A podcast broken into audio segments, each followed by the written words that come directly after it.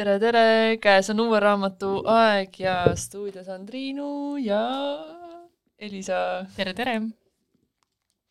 nii, oleme siin kaasa võtnud endaga igasugu raamatuid ja mõtlesime, et alustame täna raamatuga, mida me oleme mõlemad Elisaga just hiljuti lugenud.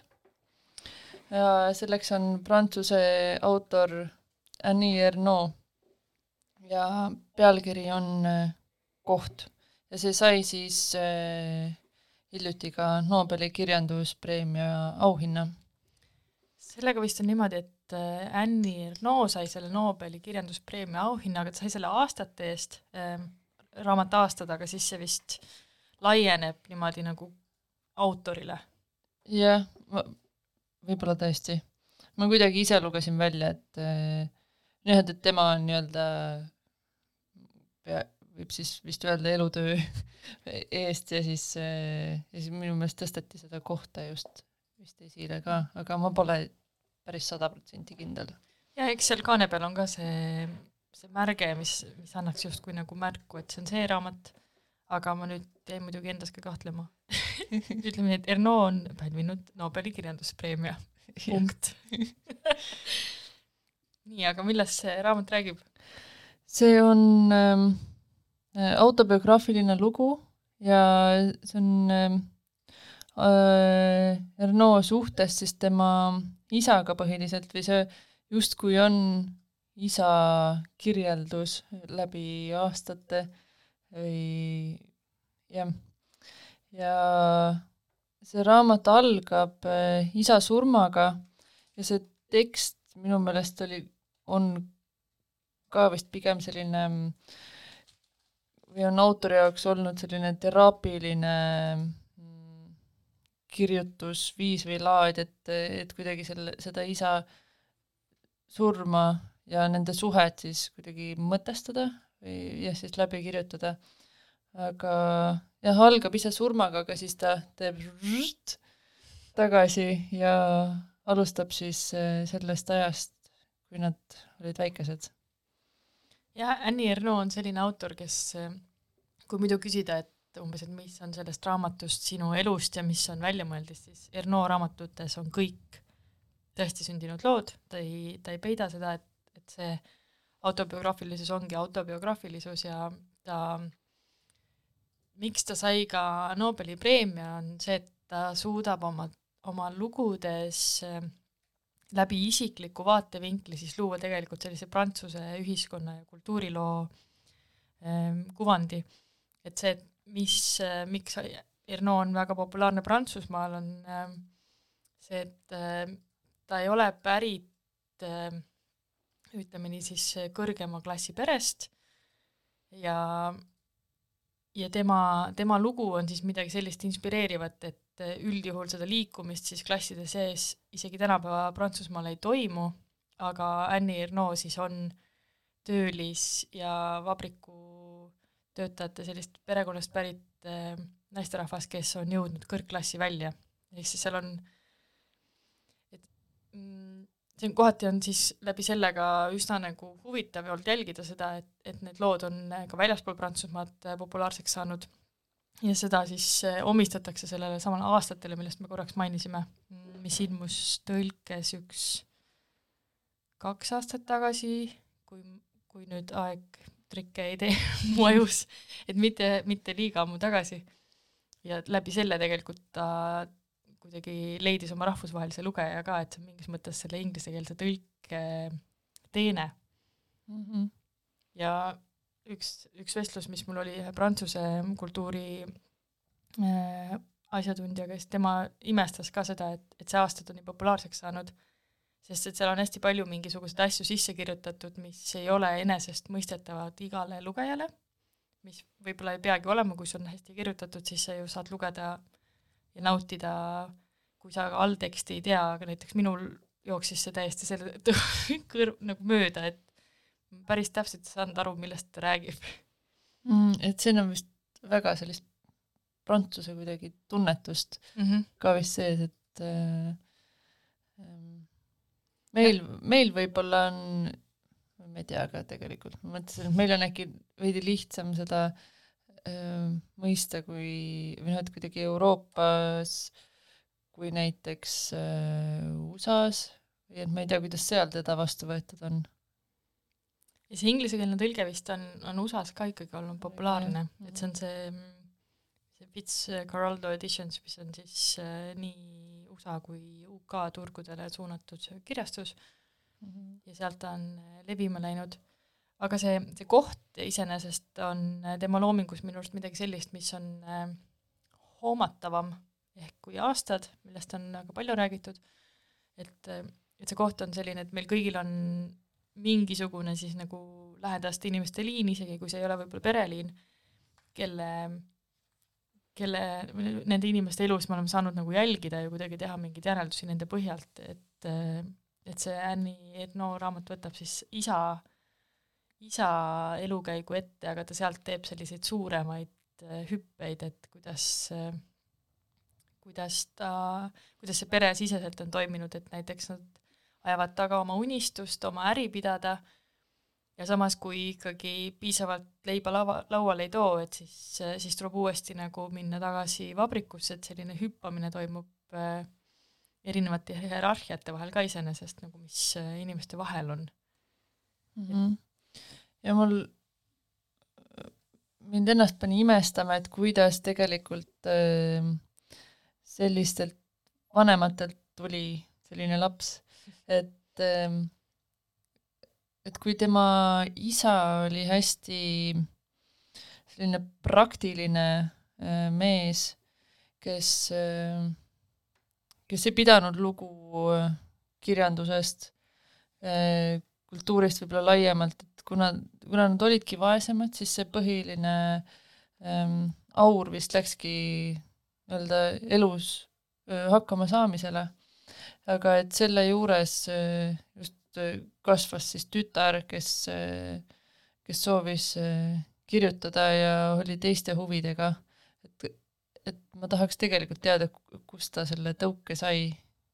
jah, seda ta, ta ei, ei lahanud seda ta ei lahanud selles raamatus aga seal on, see suhe on jah huvitavalt avatud, et see isa ei saa lõpuni aru sellest, miks, miks tütar on selliste huvidega, miks ta äh, peab käima sellistes uhketes koolides äh,, ma ei mäleta praegu selle kooli nime, aga see on, see on siis see koht, kust äh, üldjuhul tulevad väga edukad inimesed, sest et see on mingisugune nagu märk Prantsuse ühiskonnas. et sealt saad oma staatuse juba mm. -hmm. ja siis äh, aga mis, mis selle suhte ja selle mittemõistmise juures on veel huvitav minu arust selles raamatus, on see mingis mõttes see mingi häbi aspekt ka minu arust, mida ta käsitleb, et äh, jah, nad ei saanud, saanud üksteisest aru, aga siis see noore inimese ülbus, et ta, ta pidaski ennast paremaks isast ja ta võib-olla ei tahtnudki äh, teda mõista ja ennast mõistetavaks teha. et see on see miski, millele ta on siis nagu nüüd tagasi osanud vaadata jah, nende vahel oli pidevalt äh, väga tuntav distants. ja see raamat on ka kirjutatud äh, väga lakooniliselt, kui võib nii öelda, et tundeid ei ole tegelikult siia sisse kirjutatud, et pigem on kirjeldav stiil. et see võib-olla võimendab äh, seda osa, et me ei tea, mis või noh, et, et seda külmust või distantsi selle isa ja tütre vahel, et me ei tea, Äh, jah, mis seal tegelikult oli, aga võib-olla kuna ei räägita tunnetest, ega võib-olla neid ei olnudki, et millest siis rääkida mm. -hmm. Mõtlesin, et kas siit saaks äh, lugeda mõnda stiilinäidet ka, aga ma ei tea, kas ma siit hoo pealt kohe, kohe leian. mulle tundub, et see võib-olla on selline raamat, et ähm, iga, iga leht on, on õige. võib-olla tõesti teeme niisuguse su-, surra-murra siin praegu ja võtame, hakkan ühest otsas, ühest kohast lugema, lehekülg viiskümmend üks. Mu isa siirdus kategooriasse lihtsad inimesed või tagasihoidlikud või tublid inimesed. enam ei söandanud ta mulle jutustada oma lapsepõlvelugusid. enam ei rääkinud ma talle oma õppeainetest, välja arvatud ladina keelt, sest ta oli missal teeninud. olid need talle mõistetamatud ja ta ei teinud nägugi, nagu need teda huvitaksid, erinevalt emast. ta pahandas, kui ma kurtsin, et on palju õppida või tun-, tunde kritiseerisin. Talle ei meeldinud sõnad õps ja tire, isegi mitte jutukas raamatu kohta. ja kogu aeg hirm või ehk soov, et äkki ma ei saagi hakkama. teda ärritas, et veetsin päevad läbi raamatutega. Nende süüks pani ta mu kinnise ilme ja turris oleku. õhtuti mu toa ukse alt paistev valgustriip ajendas teda mind manitsema, et ma rikun tervist. koolis käimine, kohustuslik kannatus, jah, et jõuda parematesse oludesse ja mitte minna töölisele mehele. aga et mulle tõesti meeldis pead vaevata, see paistis talle kahtlane. olla elust ilma kõige õrnemas eas. vahel neist arvavad, et ma olen õnnetu. minu arust said suurepärane lõik iseloomustamaks seda, seda suhet, selline, et isa tahtis, et ta läheks hästi, et ta jõuaks kuhugi edasi ja samas noh, see arusaamatus mm -hmm. siiski. jah. Aga teeme väikese muusikalise vahepala ja jätkame õige pea.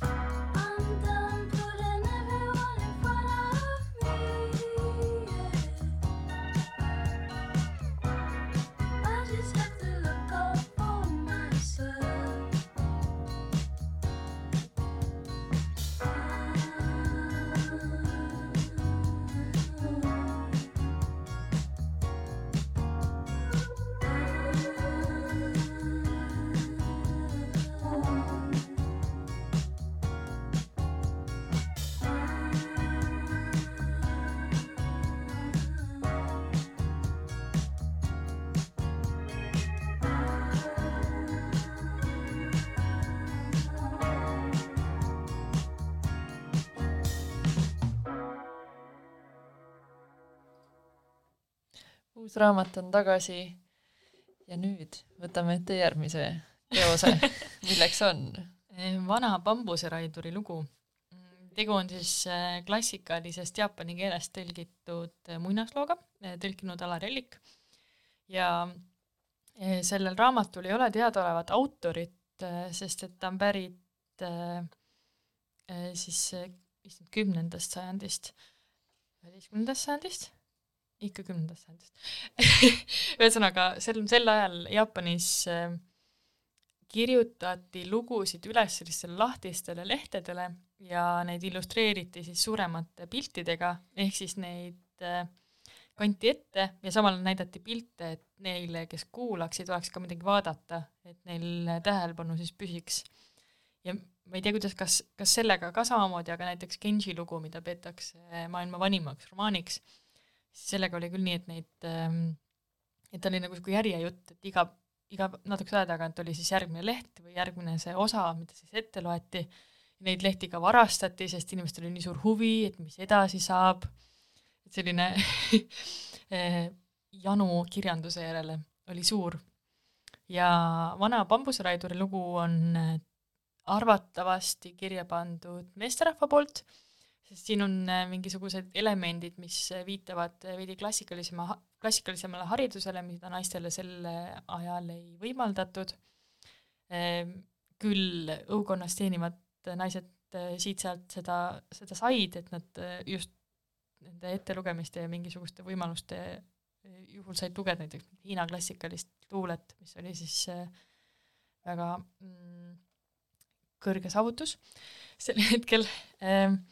Aga see lugu siis on selline, et ähm, üks vana bambuseraidur on tööd tegemas, ehk siis bambust ähm, kogumas ja ta leiab ühe bambuse tüve seest väikese tüdruku, et umbes nagu meil selline Pöial-Liisi lugu, et see tüdruk on nii pisikene, et ta viib ta siis koju, kus ta äh, aja mõttes siis nagu üle helikiirusel kosub, nii et ta äh, kuskil eh, päevade jooksul juba siis nagu saab niimoodi paariaastase lapse kuju ja nii edasi ja nii edasi, et, et ta ärkab nagu väga kiiresti.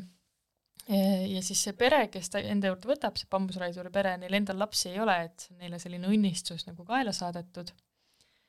ja mingil hetkel saab sellest ka mingis mõttes õnnetus, sest äh, tüdrukust äh, sirgub siis äärmiselt kaunis naisterahvas äh,, kellele tuleb kosja üle riigi tähtsaid mehi ja miks see on õnnetus, äh, on äh, seetõttu, et tüdrukul ei ole mitte mingit huvi mehele minna, mis on sel hetkel jälle midagi sellist, mis, mis on suhteliselt nagu mm, võimatu juhtum, et, et tüdruk ise esiteks saab otsustada, et, et nüüd ma ei lähe mehele, mind see ei huvita, sest sel hetkel äh, isa oli siis see, kes valis kandidaadi välja ja umbes ütles, et noh, tüdruk mine mu leiva pealt minema.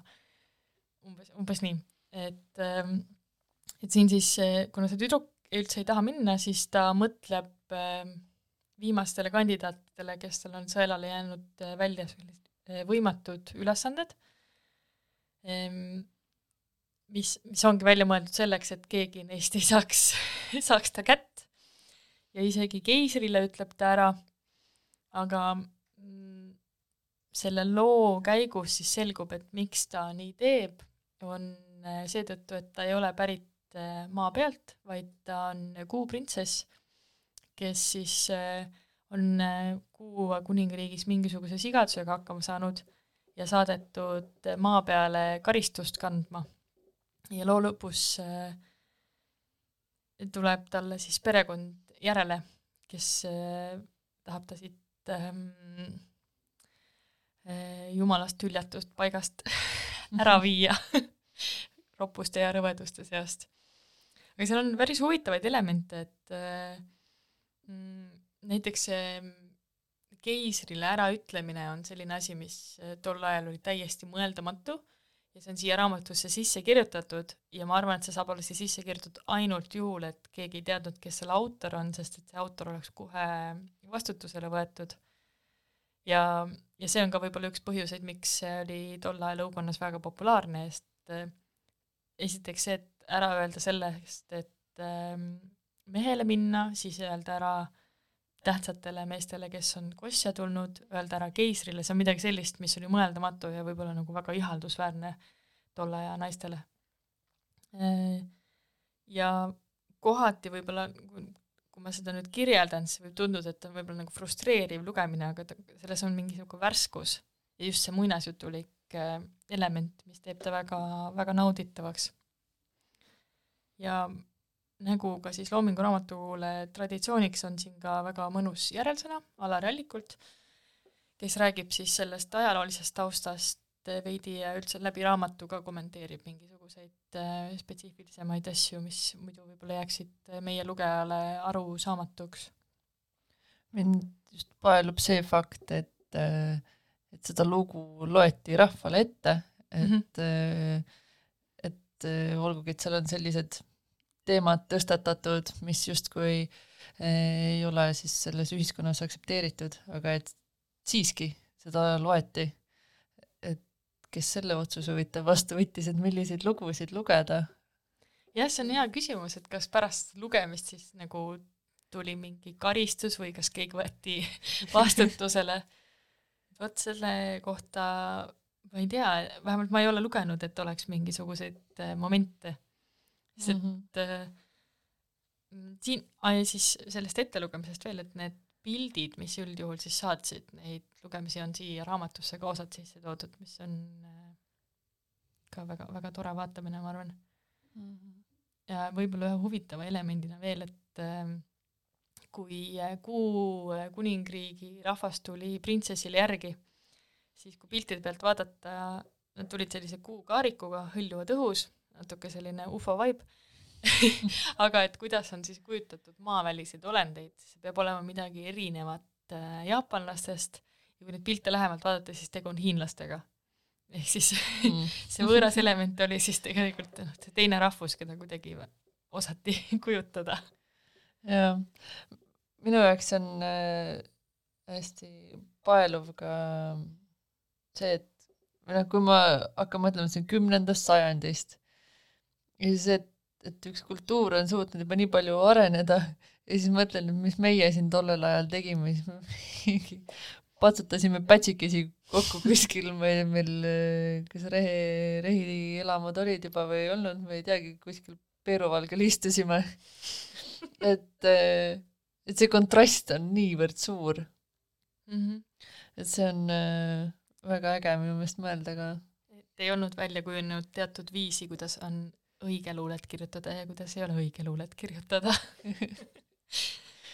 jah, et aga väga soovitan seda vana bambusereiduri lugu, ta on täpselt selline ühe istumise lugu, üsna, üsna lühike ja sobib väga hästi ka niimoodi õhtul pärast võib-olla väsitavat päeva.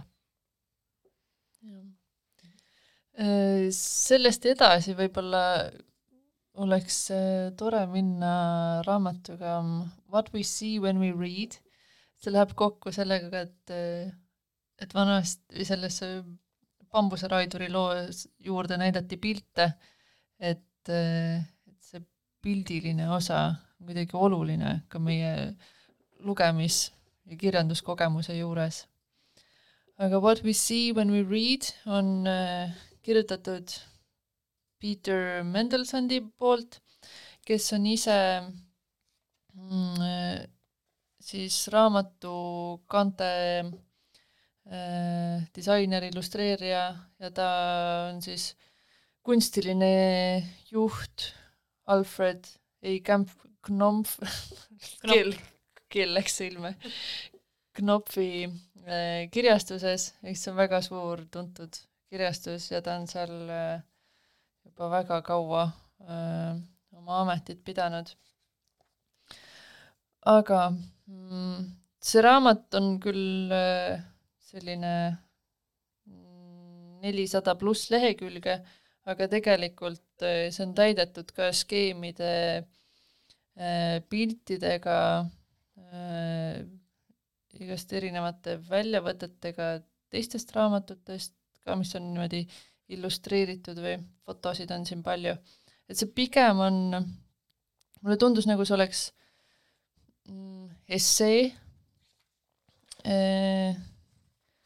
ma hakkasin seda lugema, siis mul nagu ma mõtlesin, et see on rohkem eh, teaduslikum, et see põhineb rohkematel faktidel, aga siis ma sain aru, et see on tegelikult tema enda mõtisklus lihtsalt, et ma oleks soovinud, et siin oleksid ka viited sees olnud, et kust ta mingid äh, faktikillud või asjad on saanud, mul ei, see jäi veits vajaka siin, aga muidu mulle väga meeldis see raamat, see paneb mõtlema sellest, mida me mõtleme raamatut lugedes või mida me ette kujutame ja ta seab kahtluse alla meie need pildid. et äh, ma olen siin raamatul pannud veel lipikud vahele ka, vaatan, mis ma siin, mis ma siin olen tahtnud meelde jätta. kas sa mõtled pildid nagu siis selles mõttes, et see kujutluspilt, mis meil lugedes tekib või see, mida me päriselt nagu vaatame selle kujutluspildid jah, mis meil äh, raamatut lugedes tekivad, et kui täpsed, täpsed need on, kuidas need üldse välja kujunevad ja äh, siin on üks hea mõtteharjutus ka, ka teile, kes te kuulate et kui sa kujutad äh, ette vaimusilmas oma ema, ema nägu ja kui sa proovid kujutada ette viimati loetud raamatu peategelase nägu, et siis kui palju detaile on ühes ja kui palju detaile on teises. Ja kui tihti öeldakse, et oo jaa, et ma see, loen raamatut ja ja mul on kõik nii selgesti silme ees jookseb ja kui sa hakkad kui keegi hakkab küsima, aga milline nina tal on, et kas tal on äh, tukk või ei ole, millised huuled tal on, kas tal on naerukortsud või ei ole, ja siis tegelikult me neid, noh, mitte ükski kirjanik ei kirjelda oma tegelasi nii täpselt. aga ometi meil on mingi pilt ja me arvame, et, et see on väga täpne, aga tegelikult ei ole. et see pigem on selline udune, aga meile endale justkui tundub, et see kõik on nii-nii selge aga, aga siis see täpsus, mis meile tundub, siis äh, Peteri arvates tuleneb pigem tegudest ja sellest, et kuidas, kuidas ta teiste tegelastega suhtleb, et see annab meile äh, kuidagi maalib parema pildi kui need füüsilised kirjeldused, mis tegelastest on. et me kuidagi kujutame ette, et kui on kirjeldatud, keegi on noh, ma toon mingi banaalse näite lihtsalt, et on kuri, õelteitsed teiste vastu, selline kuidagi halb tegelane, et siis, siis me ikkagi maname enda silme ette mingisuguse tegelase, et kes, keda me oleme kohanud oma nii-öelda eelnevas elus, eelnevates kogemustes, mis on olemas, et siis see kandub üle sinna juttu kuidagi. me sind kuulates äh, mõtlesin ka sellele, et äh, need tegelased, kes on eriti selgelt silme ees või noh, kui selgelt nad olla saavad mm, -hmm. siis nad on tihti mingi kellegi näoga, kelle me oleme siis pannud selle tegelase näoks. et, äh, et isegi kui, kui näiteks tegu ei ole autobiograafilise romaaniga, aga, aga mingid elemendid sellest loost kattuvad Äh, autori endaga, siis ma tihti panen selle autori näo sinna. isegi kui ma sellele ei mõtle võib-olla teadlikult mm, -hmm. siis ma olen seda juba teinud ja siis on väga raske ära võtta. ja see üks huvitav mõte, mis tal siin ka oli, või noh, see pigem on fakt vist, et äh, et kui me loeme teksti ja meil on juba need tegelaste kujutised on meil äh, silme ees, aga selle tegelase tegelik nii-öelda kirjeldus tuleb alles, ütleme näiteks mingisugune sajandal leheküljel, et siis kuidas meil järsku toimub see ümberlülitus. Et meil on üks tegelane, mis, mille me oleme ette kujutanud endale ja siis, kui tuleb see tegelik kirjeldus, siis me kustutame justkui kõik eelneva ära ja siis paneme need õiged äh, asjad talle külge. või siis ignoreerime täielikult seda kirjeldust. ja see on ka variant jah ja lähed oma karakteriga edasi ja see on ka, miks eh, kui raamatud tehakse filmideks või eh, seriaalideks, siis kõik on alati, ei, see ei olnud üldse selline, nagu ma ette kujutasin. Siis tegelikult eh, jah, meil kõigil on erinev kogemus, et kui sulle öeldakse, et aknalaua peal on lillepott, siis igaüks kujutab ette erinevat lillepotti. et see ei ole üks universaalne lillepott, mis kõigi ajus tekib samamoodi, need kõik on täiesti erinevad, kõigil on oma lillepotid seal. Et, et see minu meelest kuidagi need näited selles raamatus avardasid seda arusaama, et me loeme kõik sama raamatut, aga need pildid või need, see lugu, mis, kuidas see välja näeb, et see kõigil on meil täiesti, täiesti erinev. Mhm. kas sul tuleb endale mõni näide võib-olla mingist raamatust, mida sa oled lugenud, mis on tehtud filmiks ja siis see oli võib-olla nagu rikkus isegi seda kujutluspilti või oli täiesti teine või mingid nagu elemendid? jaa, ma mäletan küll, oot-oot-oot, mul ei tule nüüd selle nimi või see pealkiri meelde. Hmm.. proovi selgitada, mis see oli. See oli, ma arvan, et see film võib-olla tuli äkki juba mingi viis pluss aastat tagasi välja, aga selline tuleviku utoopia, düstoopia, kus kõik inimesed on äh, jälgitavad ja neil on kaelas äh, selline väikene kaamera moodi asi, et kõik on kogu aeg ühenduses äh, nii-öelda selle pilvega, mis, kus sa saad vaadata, nii mina lähen nüüd Elisa nii-öelda konto peale ja näen, mida sa teed hommikul kell kaheksa. et ja siis jah, see oligi sellest, et kuidas meie privaatne elu on kadumas ja aga kõik see, kuidas need kaelaehted välja nägid inimeste kaelas ja milline see maailm on, kus need inimesed elasid, siis mul oli täiesti teistsugune ettekujutus, aga see, mis seal filmis lõpuks tuli äh,, film oli ülikehv raamat tundus, et oli hea, aga jah. see ei olnud see mm, The Circle? oli küll jaa, jaa, just.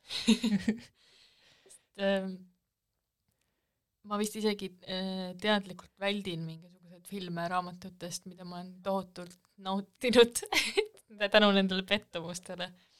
Mu kõige suurem pettumus oli lapsena. Äh, me vist oleme korraks seda siin isegi arutanud juba, aga Harry Potteri filmid, sest äh, ma sain aru, kui ma filmi nägin, et ma olin lugedes äh, ennast asetanud ühe tegelaskuju sisse, ehk siis kolmest peategelasest üks on, on tüdruk ja mina olin lapsena see tüdruk selles loos, nii et ma nägin, et mina teen neid asju, ehk siis Hermione. Ja täiesti šokeeritud sellest filmist et see oli keegi teine. Ah, ma ei olnudki seal filmis. Ja siis äh, siit nagu mitte nii hiljutisest ajast, aga võib-olla hiljutisemast ajast on äh, Kääbiku film. ma sain aru selle, selle filmi tegelasi vaadates, et ma olin kujutanud nad ette äh, mitte siis nagu niivõrd inimestena, vaid sellise mingi tegelastena, kes on nagu natuke inimene, natuke loom, mingi sihuke just see Hobbit ise, et see käbik oli selline nunnu ja ümmargune ja kuidagi hoopis teistsugune kui seal filmis. ja kui ma nüüd äh,, ma vist mingi hetk äh, blokkisingi selle filmi vaate välja ja jätsin oma selle nunnu tegelase oma pähe elama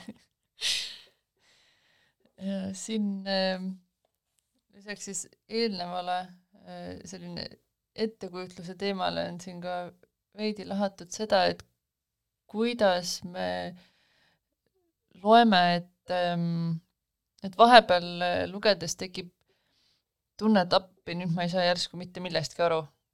ja siis sa mõtled, kas mul on eespool jäänud mingid, mingid tähtsad osad kuidagi meelde jätmata, aga see hetk, kui sa avastad, et oh-oh, nüüd on midagi, midagi on kaotsi läinud või kuskil on järg käest läinud, et kas sa lähed edasi ja loodad, et, et varsti tulevad mingisugused niidid või mingid otsad, mis viitavad, kus me jälle oleme omadega, või siis sa lähedki päriselt tagasi ja hakkad otsima, kuskohast sul midagi võis meelest ära minna, aga siis sa ei, sa ei pruugi seda kohta ka leida või sa ei tea, kust see äh, läks, või siis sa mõtled, et, et äkki see ongi nii mõeldud, et autor on teadlikult tekitanud selle koha, et nii, nüüd on mingisugune nihestatus. et äh, mul mul tekib neid kohti pikemate raamatute puhul, ma arvan, et paar korda raamatu peale või umbes nii. ma enamasti, ma lihtsalt lähen tuimalt edasi ja seal see hetk, et sa loed lauseid ja sa ei saa aru, saad aru, et need on grammatiliselt korrektsed laused, need, nendel on mingi tähendus, aga sa ei saa mitte midagi aru. et selline mm -hmm. mingi dissotsiatsioon tekib, see on väga veider äh, tunne ka, tavaliselt lähen sealt kuidagi üle, loen neid lauseid, millest ma midagi aru ei saa kuni jõuan sinna hetke, et kui kõik tundub uuesti loogiline. aga kas sa oled äh, mõelnud, miks see nii on, et kas mingi aeg on vahele jäänud lugemistele või sa oled väsinud peaga lugenud, nii et sa ei ole tegelikult äh, mõttega asja juures olnud, oled sa mõelnud nendele hetkedele? ma tõenäoliselt jaa, ma olen aru saanud tegelikult, et mingil hetkel äh, on mul mõte, enda mõte läinud kuskile teist rada pidi, niimoodi, et silmad jooksevad edasi, aga peas toimub midagi muud. kui ma olen aru saanud, et ma olen niimoodi lasknud liiga pikalt, siis ma lähen need leheküljed tagasi seda vahepeal juhtub, jah. sest ma sain eh, detsembris aru, et äh, ma olen liiga väsinud, et vastu võtta uut informatsiooni.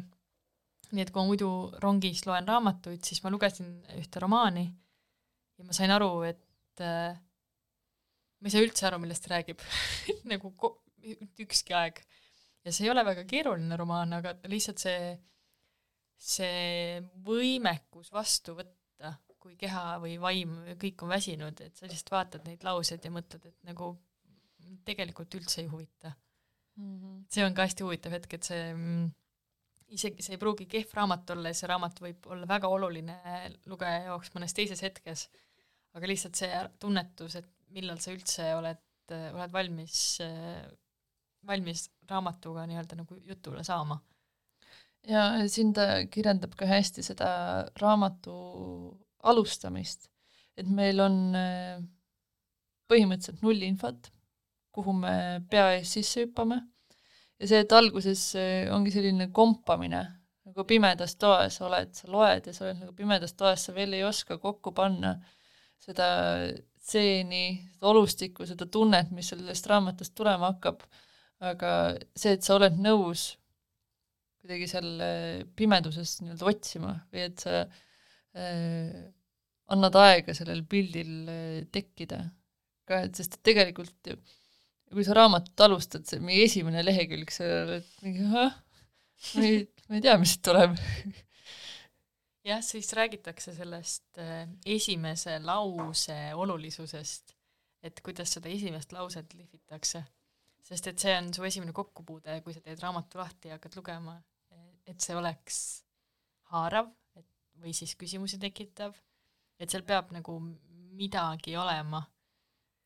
ma olen äh, mõelnud tihti raamatuid lugema hakates, et nii, ma kuidagi keskendun sellele, mis see esimene lause või esimesed paar lauset on.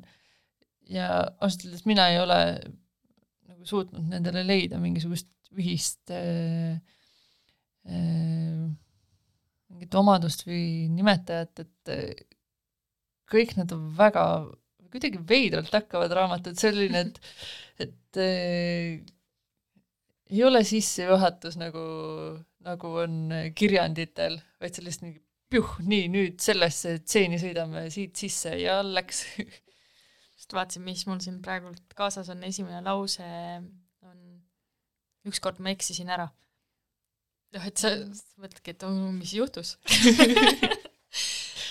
Et sa tahad edasi teada. Äh, esi-, nende avalausetega ma lugesin eelmise aasta lõpupoole Ladina-Ameerika autorit äh, Barba, mul ei tule praegu ta esinimi, eesnimi meelde, aga Luminous Republic ja seal on autor suutnud teha nii, et äh, kui mitte kõik peatükid, siis üle ühe peatüki algavad mingid täiesti hullumeelselt heade lausetega, nii et sa loed sealt ühte lauset ja sul käib mingi mõnuvärin käib seest läbi. sest et seal on mingi selline proosalisuse ja poeetilisuse piir tabatud ja need üksikud laused olid lihtsalt nii head, mis tähendab, et ka väga hea tõlge on olnud mm, -hmm. et on originaalis hispaania keeles kirjutatud. see on super, ma vaatan äh,, selle Jaapani raamatu esimene lause on enne vanasti elas üks pam-, üks vana bambuseraidur. aga see enne vanasti siin kuhu, puhul on see, et äh, sel ajal alustatigi äh, neid äh, muinas, lugusid, nii et see enne vanasti siis tähendaski, et tegu on muinasjutuga. see on see Mukashi Mukashi, siis sa tead, et, et see tegu on, nüüd on nagu muinaslugu, mida sa hakkad lugema mm. või mida sa kuulama hakkad. jah, aga selle, seal raamatus on hästi palju näiteid äh, teistest raamatutest, tuntud teostest, et äh, kui oled neid raamatuid lugenud ka, siis on äh, hea võrrelda neid äh, et äh, võib-olla kui siin ei oleks neid näiteid sees, ma arvan, et siis see, see raamat oleks kõvasti kehvem. Aga see just, et ta toob äh, näiteid päris raamatutest ja võrdleb neid omavahel, et see teeb kuidagi asja hästi selgeks. ja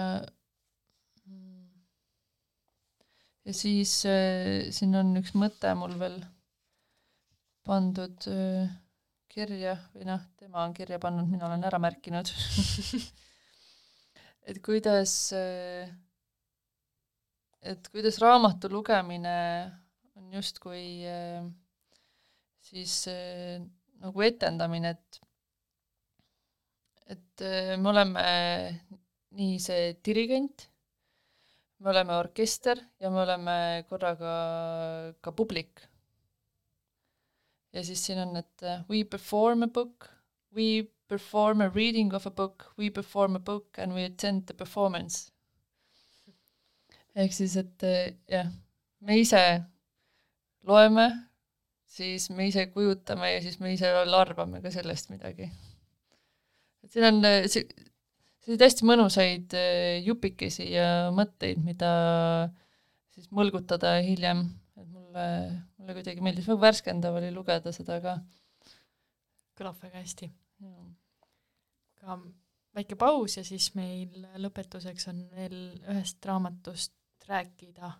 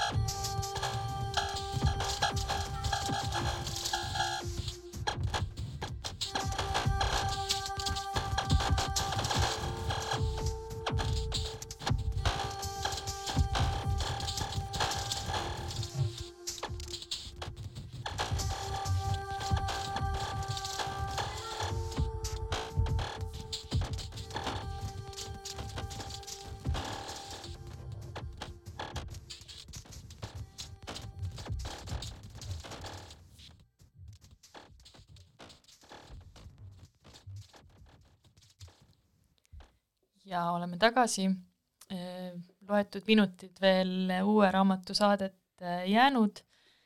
Ja meil ongi üks raamat veel jutuks võtta. Tegelikult on tegu siis ühe Ladina-Ameerika autoriga, Alejandro Zambra, ja ma ise imestan, et ma selle autori lugemiseni alles nüüd jõudsin.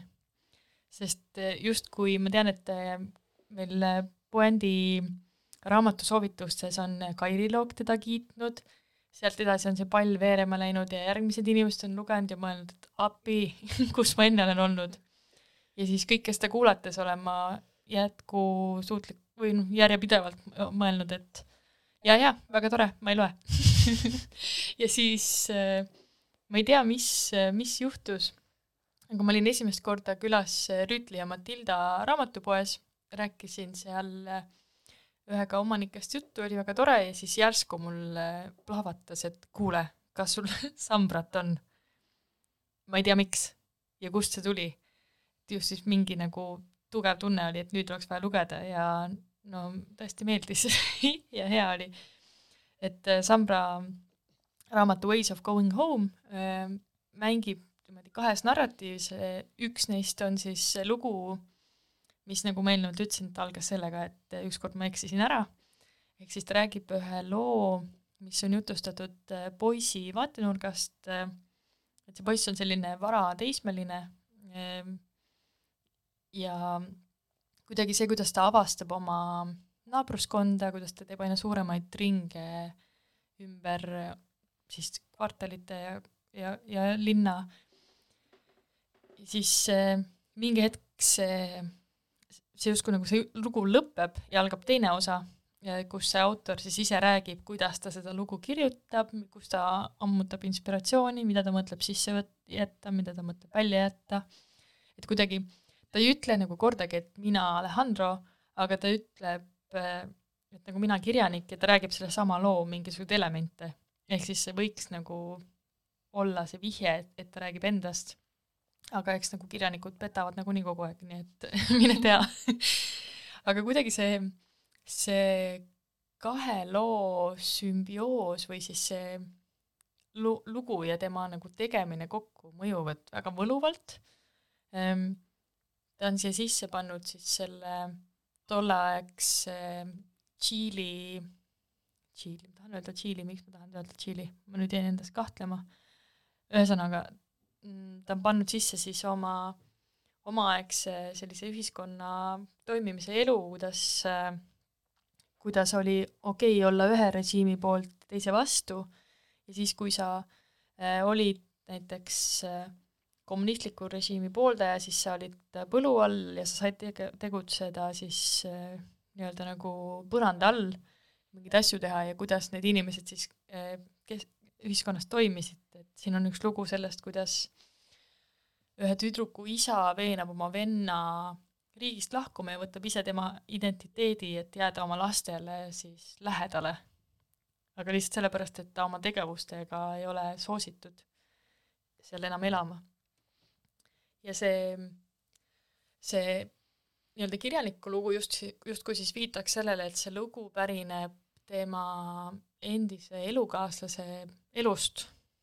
Siin ei ole lõpuni ära öeldud, et millised, millised elemendid on õiged, aga see tüdruksõber siis või see elukaaslane ütleb ka, et äh, sa oled rääkinud loo, mis äh,, mis ei ole sinu oma rääkida. et äh, sa võisid küll muuta nagu elemente, aga see li-, liiga vähe on muudetud tema jaoks. et see tuum on ikkagi jäänud selle mm -hmm. põhiliseks vaatasin, on ikka Tšiili, lihtsalt jäi nii tugevalt häirima praegult see mõte, et kui ma ütlen täiesti vale riigi. Aga see, kuidagi see, siin on ka seda Ernoole sarnast äh, pereelu ja, ja mingite suhete kirjeldust, et kuidas see kirjaniku tegelane siis varakult kodust lahkub, see on see kodu, mida ta kirjeldab selles loos. Ehm, see põimumine toimub seal. Ja kuidas ta tegelikult õpib oma siis vanemad, vanemaid tundma ja nendega vestlema alles ehm, täiskasvanu eas. ja mingit, mingeid asju avastama nende kohta, et näiteks ta leiab öösel ema äh, elutoast matet joomas kell kolm hommikul. ja selgub, et see on sellepärast, et, et iga kord, kui ta tahab suitsetada, siis ta joob matet, sest et isale ei meeldi suitsuhais ja siis nad lähevad salaja kahekesti pesuruumi suitsu tegema mingid sellised asjad, et mingid siuksed nagu äh, nurjatused, mida te-, mida saad oma vanematega koos teha, kui sa oled täiskasvanuks saanud. minu arust see on üks nagu lahedamaid asju on nagu vanemate ja laste suhte juures, kui, kui sa oled suureks saanud kas selle raamatu pealkiri Ways of going home öö, tulenebki sellest siis, et sa, et sa taasavastad suhteid vanematega või, või millele see pealkiri mulle tundub, et ta vihjab. viitab siin erinevatele aspektidele, et üks asi on see, see poisitegelane, kes siis kogu aeg aina kaugemale ja kaugemale läheb ja samas nagu alati tee koju jõuab, tee koju leiab ja siis samas see täiskasvanuna kuidagi see otsimine, et mis see kodu on, et kas see kodu on see korter, kus ta on, kas see on see elukaaslane, kellega ta enam koos ei ole, kellega ta tahaks koos olla, kas see on see vanemate kodu, kus ta on lahkunud, aga kuhu ta nüüd siis korduvalt, mida ta külastab, et ka, mis see nagu, see kodu mõiste on, on minu arust üks, üks olulisemaid küsimusi siin raamatus või, sellele võiks pealkiri ka viid-, viidata.